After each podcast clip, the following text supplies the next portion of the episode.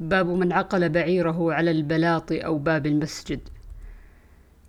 عن جابر بن عبد الله رضي الله عنهما قال دخل النبي صلى الله عليه وسلم المسجد فدخلت إليه وعقلت الجمل في ناحية البلاط فقلت هذا جملك. فخرج فجعل يطيف بالجمل قال الثمن والجمل لك. باب الوقوف والبول عند سباطة قوم. عن حذيفة رضي الله عنه قال لقد رأيت رسول الله صلى الله عليه وسلم. أو قال لقد أتى النبي, النبي صلى الله عليه وسلم سباطة قوم فبال قائما. باب من أخذ الغصن وما يؤذي الناس في الطريق فرمى به. عن أبي هريرة رضي الله عنه أن رسول الله صلى الله عليه وسلم قال بينما رجل يمشي بطريق وجد غصن شوك فأخذه فشكر الله له فغفر له.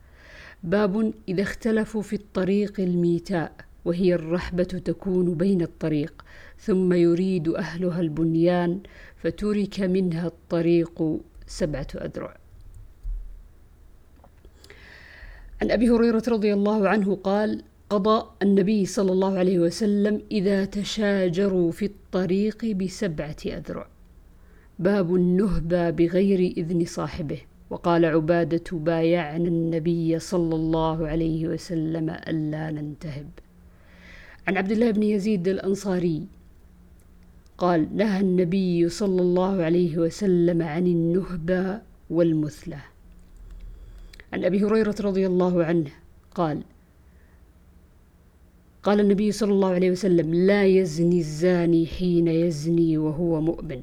ولا يشرب الخمر حين يشربها وهو مؤمن ولا يسرق حين يسرق وهو مؤمن ولا ينتهب نهبة يرفع الناس إليه فيها أبصارهم حين ينتهبها وهو مؤمن. وعن سعيد وأبي سلمة عن أبي هريرة عن النبي صلى الله عليه وسلم مثله إلا النهبة. باب كسر الصليب وقتل الخنزير. عن أبي هريرة رضي الله عنه عن رسول الله صلى الله عليه وسلم قال لا تقوم الساعة حتى ينزل فيكم ابن مريم حكما مقسطا فيكسر الصليب ويقتل الخنزير ويضع الجزية ويفيض المال حتى لا يقبله أحد. باب هل تكسر الدنان التي فيها الخمر أو تخرق الزقاق؟ فإن كسر صنما أو صليبا أو طنبورا أو ما لا ينتفع بخشبه. وأتي شريح في طنبور كسر فلم يقض فيه بشيء. عن سلمة بن الأكوع رضي الله عنه أن النبي صلى الله عليه وسلم رأى نيرانا توقد يوم خيبر. قال على ما توقد هذه النيران؟ قالوا على الحمر الإنسية. قال اكسروها وأهرقوها. قالوا ألا نهريقها ونغسلها؟ قال اغسلوا.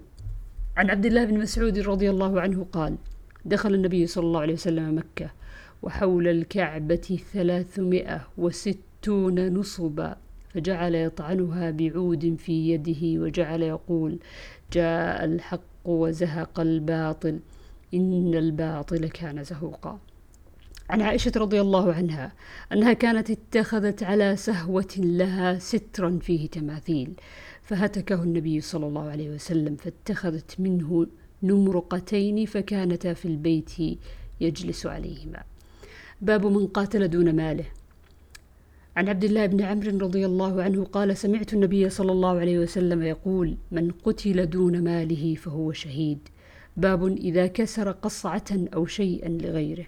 عن أنس رضي الله عنه أن النبي صلى الله عليه وسلم كان عند بعض نسائه فأرسلت إحدى أمهات المؤمنين مع خادم بقصعة فيها طعام فضربت بيدها فكسرت القصعة فضمها وجعل فيها الطعام وقال كلوا. وحبس الرسول وحبس الرسول والقصعة حتى فرغوا فدفع القصعة الصحيحة وحبس المكسورة.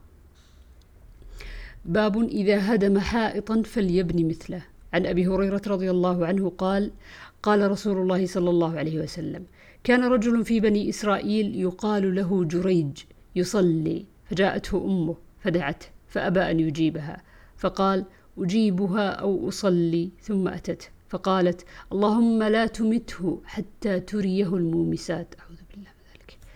وكان جريج في صومعته فقالت امرأة لأفتنن جريجا فتعرضت له فكلمته فأبى فأتت راعية فأمكنته من نفسها فولدت غلاما. فقالت هو من جريج.